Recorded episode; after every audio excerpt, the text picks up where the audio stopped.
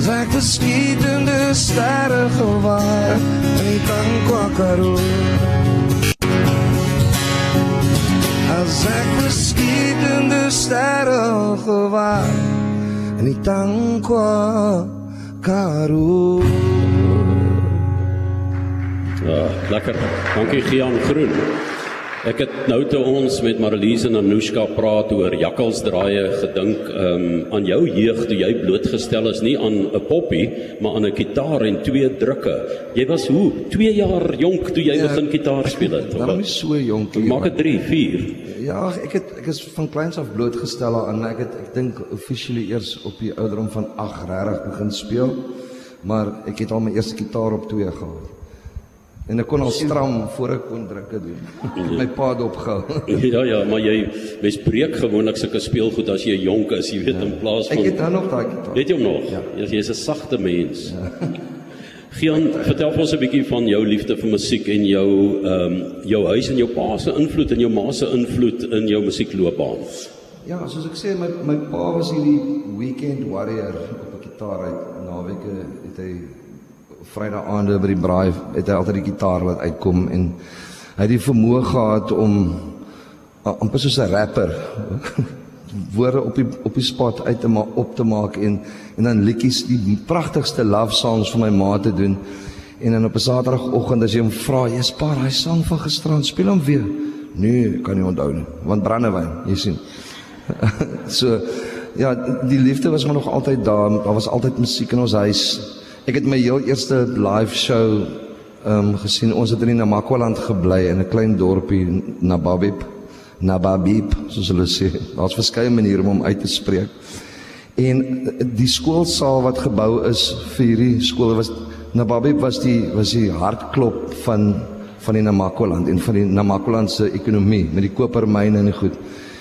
En uh uit die aard van die saak as hulle nou konsert gehou word in die Namakwaland het hulle by hierdie soos hulle sê kom kyk skoolsaal het hulle nou konsert opgesit en dan mense van heinde en verre gekom om die shows te kom kyk. En die saal was propvol.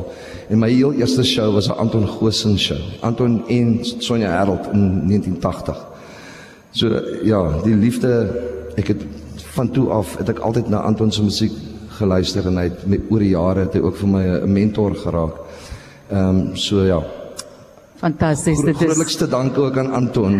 En daai suikerbossie wat ook seker geïnspireer is deur die landskap daar op 'n baie jong ouderdom. Ja. Drie drukke het jy daai liedjie mee geskryf. Vertel goed. Nee, maar is 'n bekende, dis tog 'n bekende ervaring vir jou geskryf. Ek het natuurlik, ja.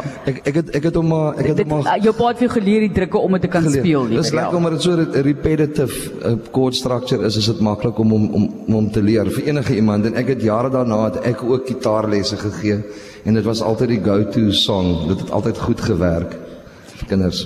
Ja. Dit is hier op RSG Gian Groen wat met ons praat oor sy musiekagtergrond en sy liefde vir musiek van 2 jaar oud af. Al soos jy jy praat van 'n kleuterknaap. Dis my so mooi gestel, die mooi woorde.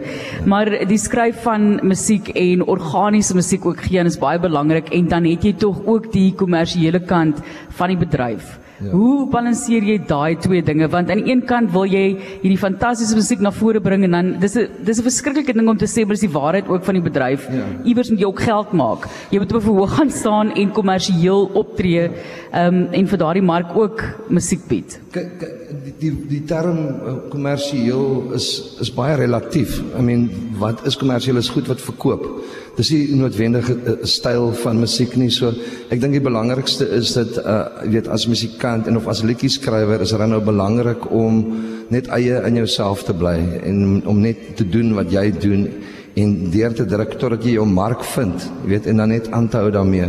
Dan raak jou mus, musiek dalk kommersieel. Dan verkoop dit dalk. Jy as jy draai 'n mark het, dan is dit mos kommersieel. So Iets wat jy baie goed wegsteek oor die jare is dat jy eintlik landbou geswat het, maar in jou liedjies kom groen uit en vier seisoene kind en grond en organies en jy weet dit uiteindelik sluit dit by mekaar. Ek het nog nie so daaroor gedink, Johan. maar jy jy, jy landbou studeer, né?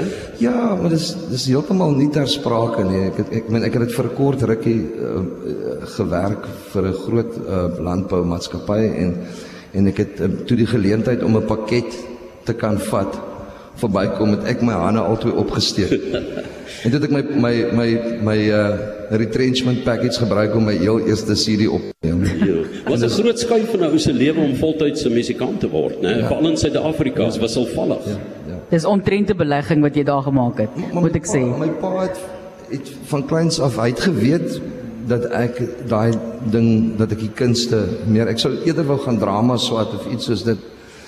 Ehm um, my pa het altyd vir my gesê maar maar doen iets doen iets wat ehm um, wat vir jou konstruktief later in jou lewe iets kan beteken. En hy het geweet ek het daai daai passie vir die kunste.